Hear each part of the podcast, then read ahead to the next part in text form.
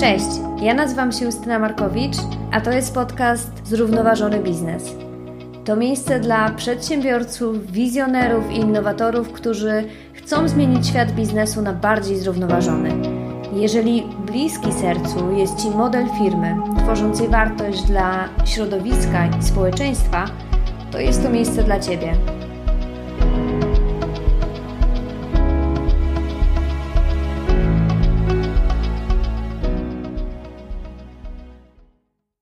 Cześć! Firmy angażują się w zrównoważone działania z wielu przyczyn. Takimi głównymi przyczynami jest dbanie o reputację, adresowanie oczekiwań klientów, adresowanie oczekiwań inwestorów czy e, zarządzanie ryzykiem operacyjnym. Jednym e, również z dość ważnych e, przyczyn angażowania się w działania zrównoważone jest przyciąganie talentów, a także zaangażowanie i retencja aktualnych pracowników. I ta przyczyna e, jest na czwartym miejscu e, wśród liderów sustainability na świecie.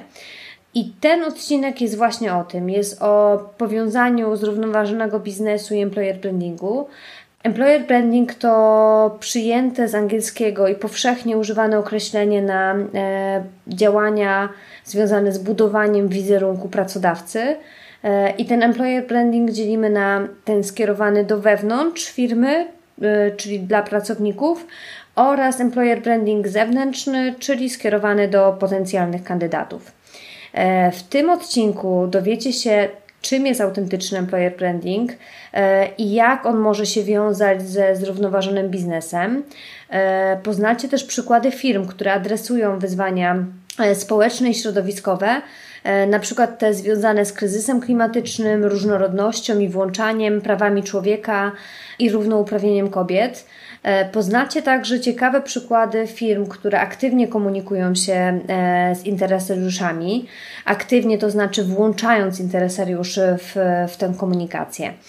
Zachęcam Was także do y, subskrypcji kanału, a także podzielenia się swoją opinią o tym, jak Wam się podoba podcast, co Waszym zdaniem można było zmienić.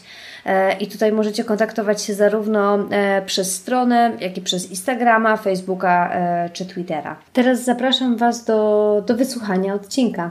Cześć, e, dzisiaj ze mną Zyta Machnicka, e, która w branży HR e, działa od ponad dekady i jest twarzą polskiego employee brandingu. Zyta jest CEO i głównym strategiem oraz trenerem w hubie edukacyjnym Lightness i autorką książki Lepszy pracodawca, jak autentyczny employer branding zmienia biznes, rynek pracy i ludzi. E, Zyta jest także autorką bloga e, candidateexperience.pl. Współpracuje z dużymi i małymi organizacjami, e, które chcą szybciej i lepiej rekrutować, a także mocniej angażować i lepiej komunikować się z kandydatami i pracownikami. Zyta takich projektów edukacyjnych ma na koncie ponad 200 i także jest twórcą ogólnopolskiej społeczności praktyków i pasjonatów employer brandingu, EB Masters, którego ja sama byłam również uczestnikiem. I Zyta również jako pierwsza w Polsce rozpoczęła studia podyplomowe właśnie w obszarze employer brandingu. Cześć Zyta! Cześć, witaj Justyno i witajcie drodzy słuchacze dziękuję za tak piękny wstęp. Tak, mogłabym jeszcze opowiadać przez chwilę o tobie, ale, ale e, dzisiaj mamy dużo, dużo pytań e, i, i, myślę, że, że warto już przejść do, e, do tematu zrównoważonego biznesu. Więc przechodzę, przechodzę do tego pierwszego pytania. E, Zyta, koncepcje mówiące o zrównoważonym i odpowiedzialnym biznesie podkreślają odpowiedzialność firmy nie tylko przed jej właścicielami czy akcjonariuszami, ale ogólnie także przed szeroko pojętymi interesariuszami. E, I jednym z takich e, ważniejszych e, wewnętrznych interesariuszy firmy są właśnie pracownicy. Ty od ponad 15 lat zajmujesz się employer brandingiem i ta twoja definicja employer brandingu różni się nieco od klasycznej definicji, która employer branding postrzega jako budowanie wizerunku atrakcyjnego pracodawcy. Powiedz nam nieco więcej o twoim rozumieniu employer brandingu. Tak, dokładnie, do, dokładnie ta moja definicja trochę inaczej brzmi. E, otóż, e, tak jak zwróciłaś uwagę, przez lata na rynku posługiwaliśmy się definicją EB jako budowanie wizerunku pracodawcy. Natomiast problem jest taki, że e, wiele z tych firm postanowiło nie tyle budować wizerunek pracodawcy, co protezę tego wizerunku. I ma to o tyle duże znaczenie, że gdy komunikujemy nieprawdę na temat tego, jakim jesteśmy pracodawcą, mhm. to wpływa to na tak zwaną lukę wartości. Luka wartości jest to różnica między wartościami mhm. aplikacyjnymi, mhm. czyli tymi, e, które zwykle wiszą na naszych ścianach, typu e, na przykład jesteśmy jednym zespołem, jesteśmy kreatywni, jesteśmy odważni, a wartościami, które e, faktycznie są obecne w naszych organizacjach. I im większa jest różnica między tym, co wisi na naszych ścianach, co się znajduje w naszej komunikacji wewnętrznej czy zewnętrznej, a tym jak jest naprawdę, tym większa jest luka i tym większa jest przepaść mhm. i tym więcej kasy, siły i energii będziemy mhm. w tą przepaść wrzucać, żeby przekonać innych do naszego zdania. I między innymi e, z tego powodu, e, analizując właśnie mocniej e, temat EB na rynku, doszłam do wniosku, że EB dzisiaj to przynajmniej dla mnie, e, takie autentyczne EB, jest to komunikowanie prawdy na temat firmy jako pracodawcy, co szczególnie ważne, w sposób dopasowany do jej grupy docelowej, czyli do kandydatów i do pracowników najczęściej, odpowiednio sprofilowanych, za pośrednictwem kanałów e, i narzędzi, z których te grupy rzeczywiście korzystają, w których są obecne. To jest znowuż o tyle istotne, dlatego że w wielu przedsiębiorstwach e, mamy do czynienia z sytuacją, w, której na przykład do działań rekrutacyjnych czy do działań wizerunkowych korzysta się z narzędzi, które, które nie przynoszą odpowiedniego efektu. Jednym z moich ulubionych przykładów na to są dla mnie e, targi pracy. Bo wyobraźmy sobie, że e, idziemy na targi pracy, że idziemy na nie dlatego, że postanowiliśmy postanowiliśmy wykorzystać je e, w naszej komunikacji nie tylko do pokazania tego, jakim jesteśmy pracodawcą, ale przede wszystkim do tego, żeby zrekrutować osoby na właściwe stanowisko. No i często się zdarza, że jeżeli idziemy na te targi tylko i wyłącznie z założeniem typowo rekrutacyjnym, to my wychodzimy z nich e, e, bardzo niezadowoleni, dlatego że sporo osób najczęściej przychodzi na te targi po to, żeby się zorientować na temat tego, jaki, jakich pracodawców mamy obok siebie, co mają do zaoferowania, żeby ich poznać może trochę lepiej. Sporo z tych osób również oczywiście szuka roboty, natomiast założenie takie, że ja pójdę na targi tylko i wyłącznie po to, żeby zrekrutować na przykład tego jednego kandydata, którego tutaj dzisiaj e, potrzebuję, jest błędne. E, przede wszystkim dlatego, że może się okazać, że my wydamy kilka, kilkadziesiąt, a czasem nawet i kilkaset tysięcy złotych, bo e, całkiem e, spore budżety na działania e, typowo związane z targami e, w, w przedsiębiorstwach faktycznie są i że my tę kasę wydamy, e, a nie przeanalizujemy tego, że, że wartość dobicia się do tego człowieka będzie zdecydowanie zbyt duża, e, niż jakbyśmy wykorzystali do tego odpowiedni kanał. I e, oczywiście to też nie chodzi o to, żeby stwierdzać, że targi pracy są B. Akurat e, w, w tej naszej sytuacji pandemicznej dochodzę do wniosku, e, że szczególnie teraz i szczególnie teraz wirtualne targi pracy, czyli różnego rodzaju inicjatywy internetowe, e, dzięki którym kandydaci mogą się dobijać do, mm, do tych e, właściwych informacji o pracodawcach e, i zdobywać także informacje o rekrutacjach, że to są naprawdę dobre kanały, ale musimy myśleć o tym, żeby faktycznie te działania, które podejmujemy jako pracodawca, żeby stosować je adekwatnie do celów, które mamy na tapecie, i żeby nie przegiąć z wykorzystaniem budżetu, żeby się nie okazało, że, że ta kasa pójdzie nie na to, na co faktycznie pójść powinna. I gdy w ogóle mówimy o tych działaniach dotyczących e, autentycznego employer brandingu, to e, uważam szczerze, że dzisiaj na rynku z jednej strony mamy ten, nazwijmy to trendem komunikowania tego, co się faktycznie zadziewa w organizacjach, pokazywania trochę więcej prawdy na swój temat, ale w dalszym ciągu będę się trzymać tego, że jest tego za mało, bo e, te prawdziwe informacje na temat tego, jakim jesteś pracodawcą, co naprawdę masz do zaoferowania, prawdziwe informacje na temat tego, jak ta praca u ciebie wygląda, E, są niesamowicie istotne z punktu widzenia człowieka, który chce się dobić do konkretnej organizacji, bo pamiętajmy o tym, że dzisiaj zarówno w działaniach dotyczących rekrutacji i EB e, chodzi o to, żeby docierać do tych osób, które są spójne z naszą kulturą organizacyjną, które kupują to, co chcemy zrobić jako organizacja, kupują jej kierunek e, działania, jej misję, wizję, kupują jej wartości, zgadzają się na to i czują faktycznie, że ten pracodawca jest dla nich. Dlatego to komunikowanie prawdy jest tak bardzo ważne, moim zdaniem, dzisiaj na rynku. Mhm, jak najbardziej. To komunikowanie będzie też ważne właśnie dla zrównoważonych e, spółek e, i firm, ale o tym też będę, będę, o to też będę pytać później Ciebie odcinku poświęconemu greenwashingowi wspominam o raporcie Deloitte i Randstad Trendy HR 2018.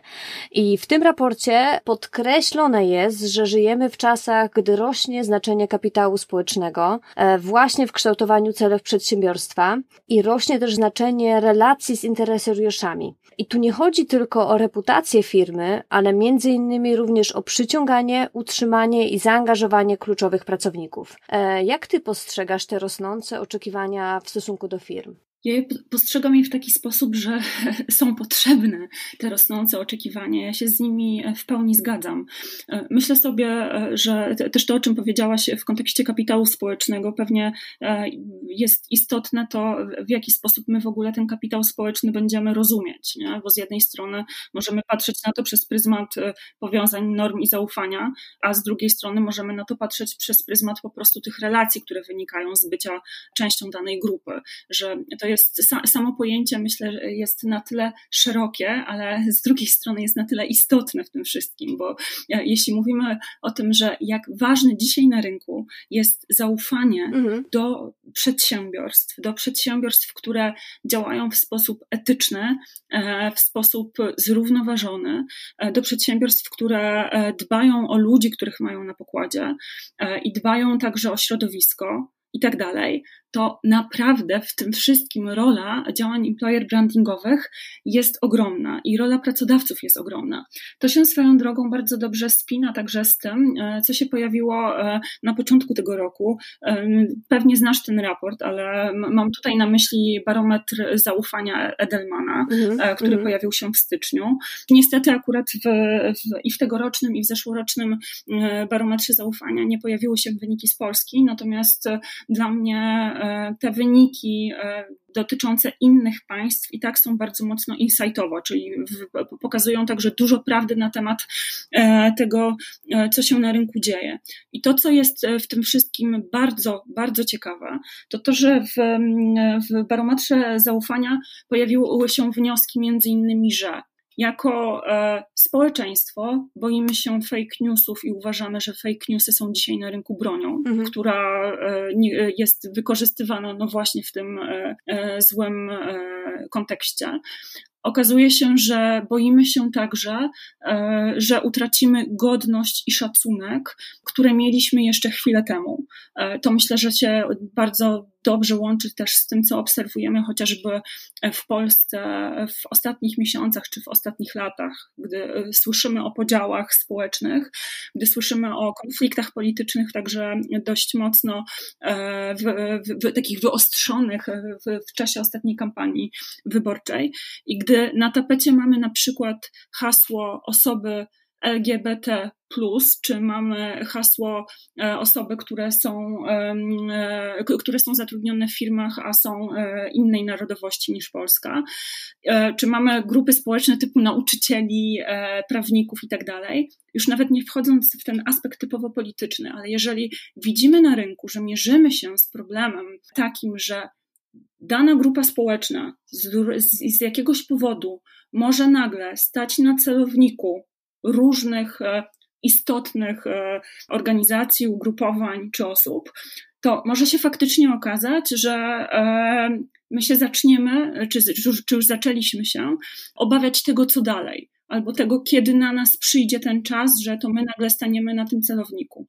I mówię o tym też dlatego, że w barometrze zaufania pojawiły się jasne dane, zgodnie z którymi okazuje się, że to właśnie dzisiaj na rynku pracodawcy są dla kandydatów, pracowników, są najważniejszym e, takim źródłem zaufania. Mhm. Są podmiotem, któremu faktycznie można ufać. E, bodaj 76% respondentów w ten sposób się wypowiedziało, że to zaufanie do pracodawców jest e, wyżej niż organizacje zarządowe, niż rząd, e, niż media i tak dalej. I gdy popatrzymy sobie na to właśnie w tym kontekście e, i pomyślimy o tym, w jaki sposób dzisiaj na rynku funkcjonują przedsiębiorstwa, a przede wszystkim w jaki sposób na rynku funkcjonują pracodawcy, to uważam, że rola pracodawców dzisiaj dotycząca zajmowania głosów przy okazji trudnych e, spraw społecznych, ekonomicznych, politycznych jest tym bardziej istotna, że z jednej strony mamy ok, te działania mocno nastawione na przykład na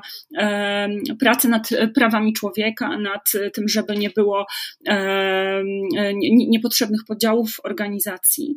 Z drugiej strony zastanowienie się nad tym, czy to, czego doświadczają ich ludzie na rynku, przy okazji właśnie tych e, różnych zgrzytów, tych różnych konfliktów, to w jaki sposób to się odbija na ich pracownikach. I swoją drogą, właśnie w tym barometrze zaufania pojawiły się także dane, i to też bodaj już drugi rok z rzędu, że um, pracownicy uważają, że szefowie powinni zabierać głos i podejmować właśnie konkretne działania przy okazji tych trudnych tematów, które się pojawiają na rynku, mhm. i że również wysokie jest oczekiwanie wobec osób, które zarządzają przedsiębiorstwami, że to jest czas na to, żeby szefowie przedsiębiorstw brali odpowiedzialność i brali głos, działali czasem e, trochę szybciej niż na przykład e, działa rząd w kraju, w którym się znajdują. I uważam, że te wszystkie aspekty dzisiaj są naprawdę ważne i że mm, trochę nawet też ten czas pandemiczny, e, że nam z jednej strony wyostrzył różnego rodzaju także podziały, które się pojawiają w naszych firmach, ale z drugiej strony przyczynił się do tego, że znowu zaczynamy rozmawiać o podstawach, o tym, że jak ważna jest e, stała komunikacja z pracownikiem, nie? Mhm. czasem z pracownikiem, e, który pracuje zdalnie, ale pamiętajmy o tym, że nie wszyscy wbrew pozorom ludzie dzisiaj na rynku pracują zdalnie, więc ta, te, te działania hybrydowe są bardzo istotne. I że jak ważne jest, no właśnie, bycie blisko swoich ludzi, jak ważne jest również odpowiedzialne zarządzanie swoimi procesami, procesem rekrutacji, procesem komunikacji komunikacji wewnętrznej, e, czy, czy działaniami takimi komunikacyjnymi, zewnętrznymi, budującymi markę przedsiębiorstwa jako pracodawcy. Te wszystkie aspekty są zdecydowanie ważne i uważam, że one będą wracać. I jeżeli przy okazji różnych raportów, e, tak jak nawet stwierdzasz, e, pojawiają się wnioski właśnie, że ten temat gdzieś tam zostaje ulokowany w kontekście zrównoważonego rozwoju, to myślę, że jesteśmy na dobrej drodze do tego, żeby tę rzeczywistość zmieniać, że, że to jest ten czas. Mhm, jak najbardziej. To, to zaufanie e, i ta rosnąca rola pracodawców jako takich instytucji społecznych, myślę, że będzie jeszcze takim e, przedmiotem badań e, wielu osób, bo to naprawdę jest bardzo interesujące. Przechodząc dalej, w 11 e, rocznym raporcie Globscan z 2019 roku, który pokazuje generalnie aktualne trendy, priorytety i wyzwania wśród e, biznesowych liderów w obszarze zrównoważenia z całego świata, jest mnóstwo ciekawych insightów. I choćby jednym z nich jest właśnie to, że pięć priorytetów dla biznesów e, na 2020 rok był właśnie numer jeden e, kryzys klimatyczny, później etyka, następnie diversity and inclusion, czyli różnorodność oraz włączanie, prawa człowieka, a następnie women empowerment, czyli mówiąc ogólnie wzmacnianie pozycji kobiet. I czy ty widzisz te priorytety e, wśród marek z silnym employer brandingiem? Oraz e, jak Twoim zdaniem e, radzą sobie ebowo te marki e, zrównoważone? Myślę, że to, to w jaki sposób marki zrównoważone radzą sobie z, z tym tematem, że to, to bardzo zależy od, to, to, to, bardzo zależy od tego, czy mówimy o dużej marce, czy mówimy o małej marce. Bo mój wniosek jest taki, że faktycznie od pewnego czasu widać, że część e, z tych zagadnień bardzo mocno wybrzmiewa. Chyba zagadnieniem, które wybrzmiewa najmocniej w komunikacji e, ebowej pracodawców, to jest e, właśnie z jednej strony kwestia różnorodności, mhm. modne diversity, bardzo często podejmowany temat właśnie w dużych przedsiębiorstwach, na przykład typu IKEA czy typu Unilever.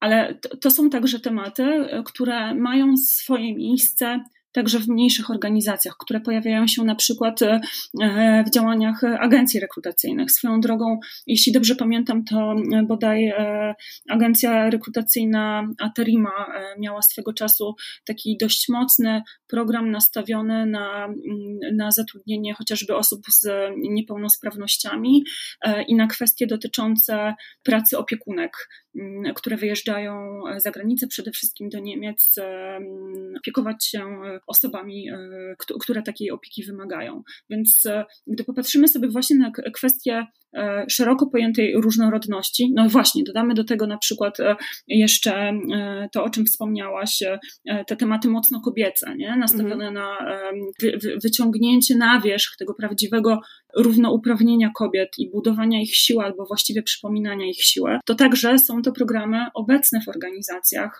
i tych programów myślę jest coraz więcej. One swoją drogą są bardzo mocno powiązane też na rynku z zagadnieniem macierzyństwa. Też jednym z moich ulubionych podmiotów, które przytaczam przy, przy takich okazjach, to jest Fundacja Mamo Pracuj.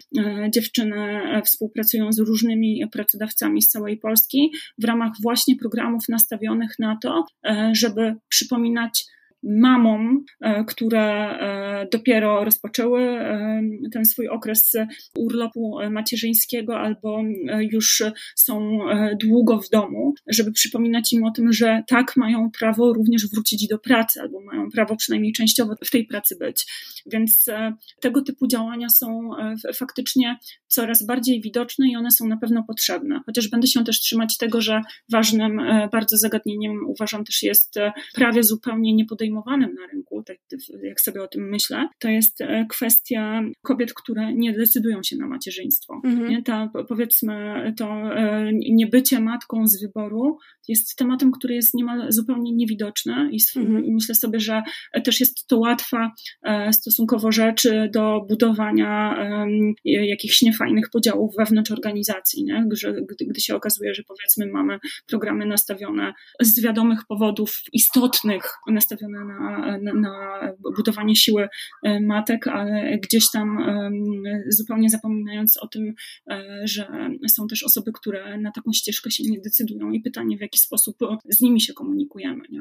Ale myślę sobie, że no właśnie, że, e, że te tematy się pojawiają i, i gdy pytasz o to, na ile te priorytety widać wśród marek z silnym EB, mhm. to mi też przychodzą do głowy dwie, dwie firmy, z takim mocnym połączeniem tych, tych elementów, o których wspomniałaś, bo wspomniałaś zarówno o, o prawach człowieka, wspomniałaś o właśnie kwestiach klimatycznych, o etyce, e, no i właśnie o, o tej sile kobiet, mhm. to e, przychodzi mi do głowy na pewno e, Capgemini, która ma naprawdę w, swoich, w swojej organizacji szereg projektów, które są nastawione na te właśnie różne aspekty e, związane z, z zrównoważonym rozwojem. Mhm. E, swoją drogą CAP zrobił w ostatnim czasie rzecz bardzo, bardzo potrzebną i też stosunkowo nową na rynku, mocno związaną z tym, czy, czym ty się zajmujesz, Justyna, bo e, Capgemini odpalił swój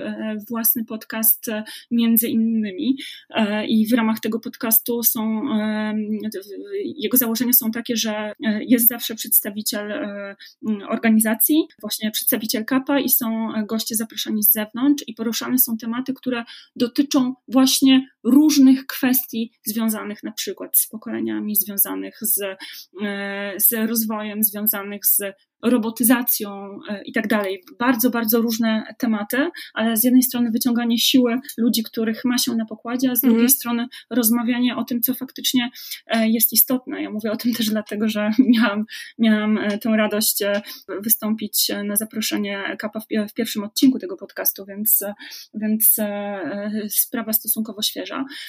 Ale no właśnie, dla mnie KAP jest takim przykładem na firmy, która potrafi tym tematem zarządzać sądzić w sposób kompleksowy. I drugą, drugim przedsiębiorstwem, które mi tutaj przychodzi jeszcze do głowy, to jest firma, to jest bank BNP Paribas, Bank Polska, bo oni w swoich działaniach też bardzo mocno nastawiają się na właśnie zarówno kwestie związane z aspektami antydyskryminacyjnymi mhm. w usługach i wewnątrz organizacji, prowadząc różne działania właśnie na rzecz integracji, różnorodności itd., tak prowadząc różnego rodzaju projekty kobiece, czy tam prokobiece w swojej firmie, ale także angażując się chociażby w, działania na rzecz, no właśnie, klimatu i na rzecz, na, na rzecz natury. Bodaj, jeśli dobrze pamiętam, mają u siebie w firmie program Bank Zielonych Zmian, który jest związany zarówno z kampanią edukacyjną, taką, wiesz, skierowaną do wewnątrz, do pracowników e, i także powiązaną z ofertą usług, które są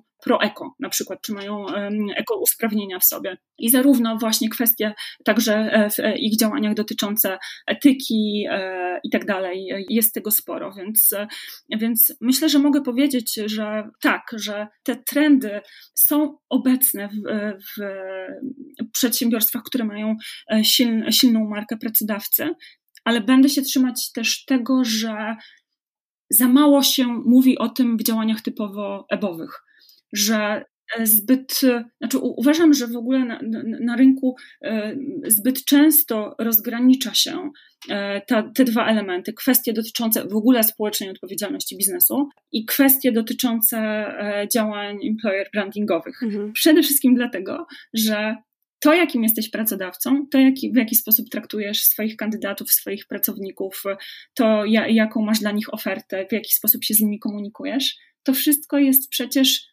trochę elementem tych aspektów związanych ze społeczną odpowiedzialnością, a z drugiej strony te aspekty związane ze społeczną e, odpowiedzialnością i nie tylko przecież ze społeczną e, odpowiedzialnością, ale e, przede wszystkim ze zrównoważonym rozwojem są obecne e, w e, działaniach stricte ebowych. W związku z tym to się to się w pewnym sensie ze sobą łączy. Mhm. E, I myślę, że zdecydowanie warto wykorzystywać w swojej komunikacji firmy jako pracodawcy te informacje na temat tego, e, co my dobrego robimy na rynku i co my dobrego robimy dla różnych interesariuszy, bo to są aspekty, które będą miały i które mają duże znaczenie dla kandydatów i dla pracowników. Mhm.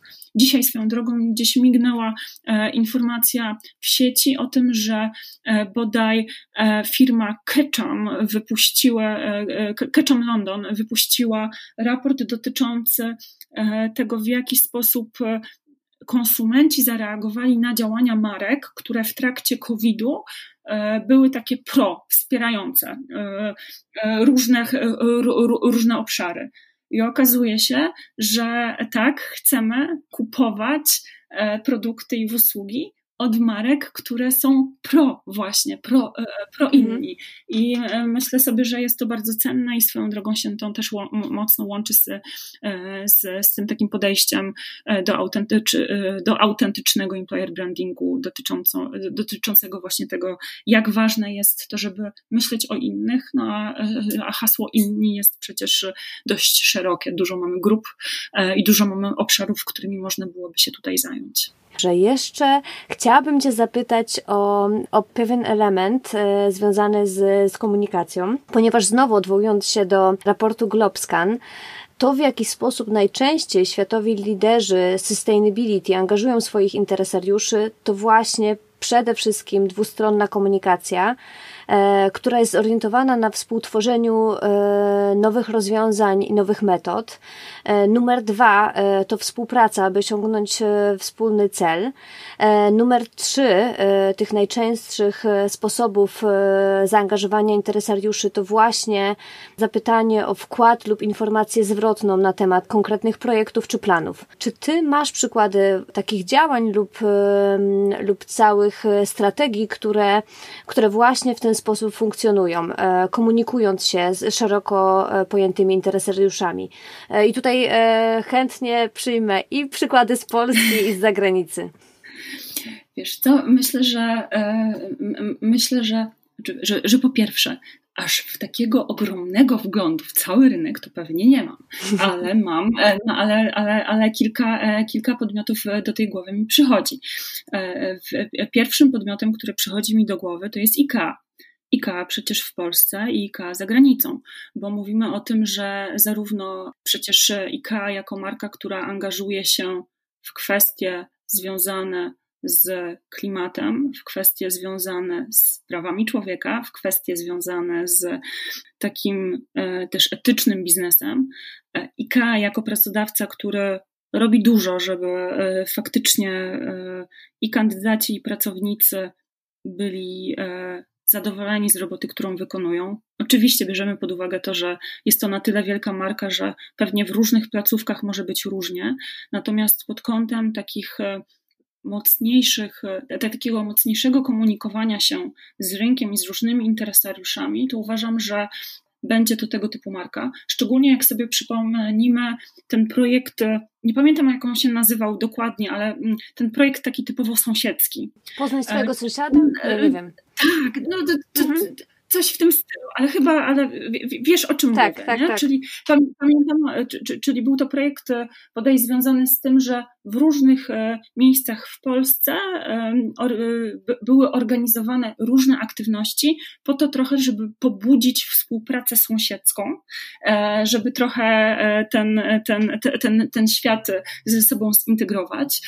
Swoją drogą też mi jeszcze e, przypomniał się, e, przypomniał mi się case e, związany właśnie z IKEA, czyli ich obiekt w, mm, ich obiekt w Warszawie, do którego można przyjść, w którym my jesteśmy, mm, możemy w pewnym sensie poczuć się jak pracownik IKEA, mhm. spotkać się na luzie z człowiekiem, który rekrutuje, czy spotkać się na luzie z, z potencjalnym przełożonym i porozmawiać sobie na temat tej pracy, popatrzeć także także na produkty, popatrzeć na przestrzeń i tak dalej, i tak. Więc z punktu widzenia w ogóle też budowania takich pozytywnych doświadczeń e, kandydatów e, w procesie budowania takiej, z, z, zarówno budowania marki pracodawcy, jak i w ogóle budowania takiego wspólnego kontaktu jest e, naprawdę cenne. Ale e, gdy pomyślę sobie jeszcze o innych przedsiębiorstwach w, w tym kontekście, które faktycznie, że, że możemy usłyszeć albo możemy o nich poczytać, że są mocno zorientowani na współtworzenie tych różnych rozwiązań, to też mi przychodzi do głowy marka Śnieżka, firma Śnieżka. Swoją drogą klient, z którym współpracowałam, to, co jest dla mnie e, szczególnie cenne właśnie w przypadku działań firmy Śnieżki, e, firmy Śnieżka, to e, takie mocne zogniskowanie się na tematy związane z z wykluczeniem i na dzielenie się tym, co ma się najlepszego w swojej firmie. Co firma Śnieżka przede wszystkim ma w swojej ofercie? Ma farbę. W związku z tym e, co roku oni angażują się naprawdę w mnóstwo inicjatyw, e, w których na przykład tutaj zostanie odmalowane wnętrze jakiegoś szpitala, tutaj zostanie odmalowana jakaś szkoła i tak dalej, i tak dalej. Możemy sobie możemy stwierdzić, że ojejku, przecież to jest drobiazg, dlaczego, w jaki sposób w ogóle mamy stwierdzić, że jest to dobrze komunikowane, że czujemy, że dotyczy to współpracy z różnymi grupami, że opiera się to na przyjmowaniu odpowiedniej informacji zwrotnej itd., tak itd. Tak Otóż nie dość, że oni systematycznie to wszystko komunikują, ja wiem w jaki sposób u nich to wygląda w środku. Ja wiem, jak Ola Małozięć, która przez lata była e, bardzo mocno właśnie w Śnieżce w, w, w tego rodzaju tematy zaangażowana, wiem w jaki sposób ona współpracuje z zarządem przy tych tematach i widać to, to jest też uważam niesamowite, że jak się poznaje ekipę zarządzającą firmą, że e, gdy takie aspekty związane właśnie z nastawieniem na to, co możemy zrobić dobrego jako marka na rynku, gdy one wybrzmiewają od razu, gdy one są czymś naturalnym. I akurat uważam, że to jest niesamowicie też istotne, e, e, bo przecież mówiąc też trochę brzydko dużo jest bullshitu na rynku dotyczącego tego, jakim możemy być fajnym podmiotem, co dobrego robimy dla innych i jak często jest to wykalkulowane. Co mhm. oczywiście ma być, ma być prawo wykalkulowane, bo wiadomym jest, że e, firma działa na rzecz innych e, i fajnie by było, gdyby przy tym także zdobywała określone profity, no bo przedsiębiorstwo jest po to, żeby generować kasę, żeby zatrudniać ludzi i żeby robić fajne rzeczy na rynku, aczkolwiek e, naprawdę lubię marki, które mają to wpisane w swoje DNA, te działania takie pro.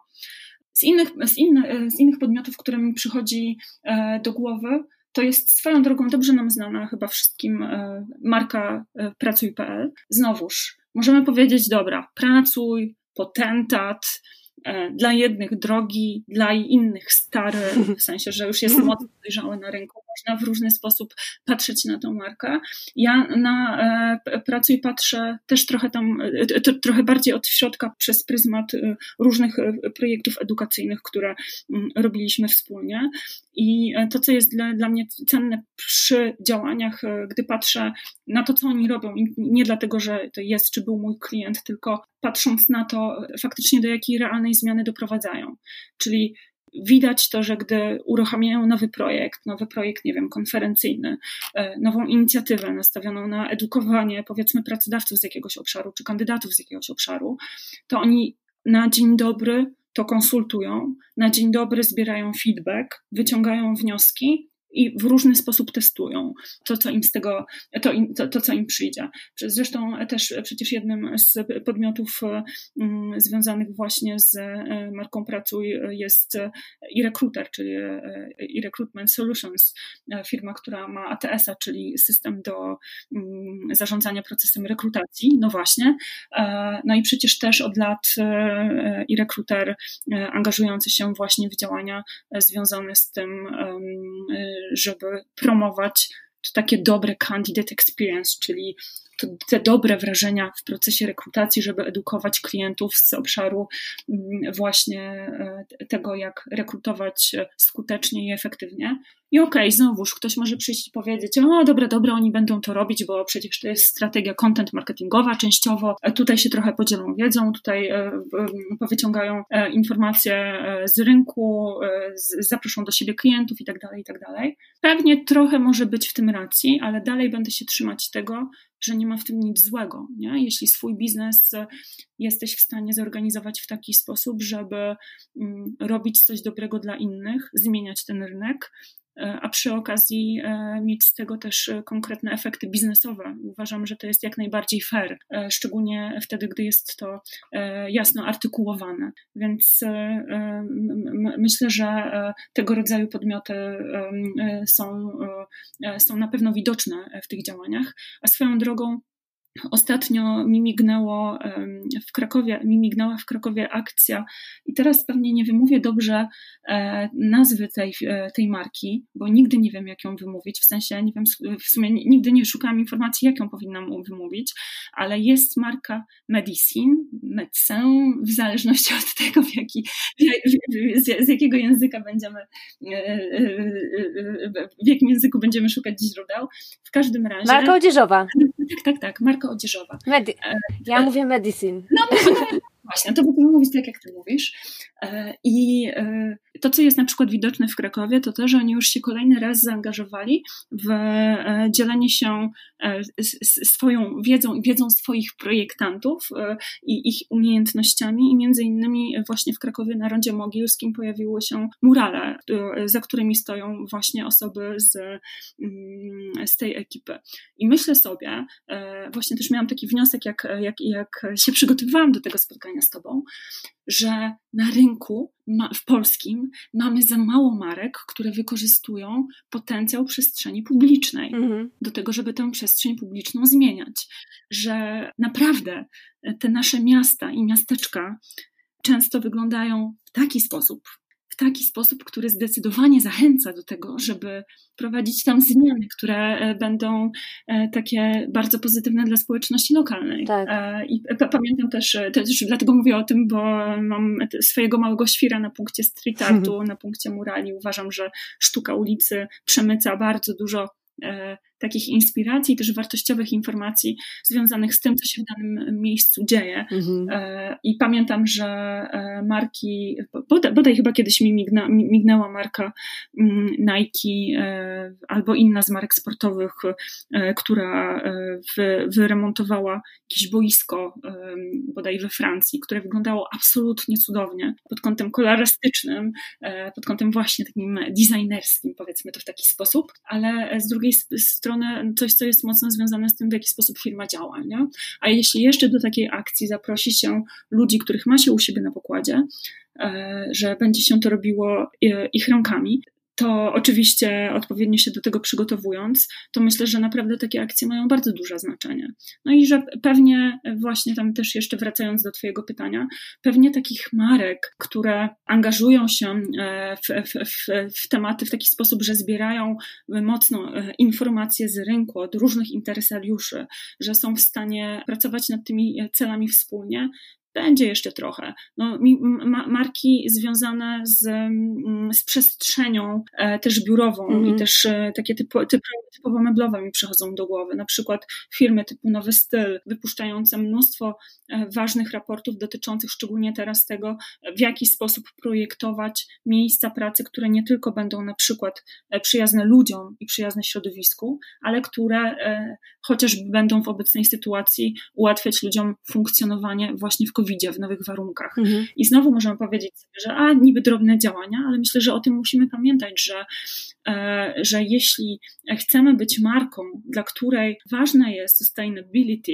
tak, tak naprawdę ważne, to to wcale nie oznacza, że musimy prowadzić działania na nie wiadomo jak wielką mhm. skalę. Tak. Ważne jest to, żeby te działania były wpisane właśnie w nasz biznes, w to, co chcemy zrobić na rynku, żeby, było spójne z naszymi, żeby były spójne z naszymi wartościami. Czasem wystarczy wybrać, nawet będąc małym podmiotem, jedno mniejsze działanie, ale się na nim rzeczywiście skupić, robić to dobrze i tłumaczyć ludziom w swojej firmie, dlaczego jest to istotne, angażować w ich te działania w sposób taki naprawdę pozytywny, a zmiana e, zajdzie lada moment. Mhm.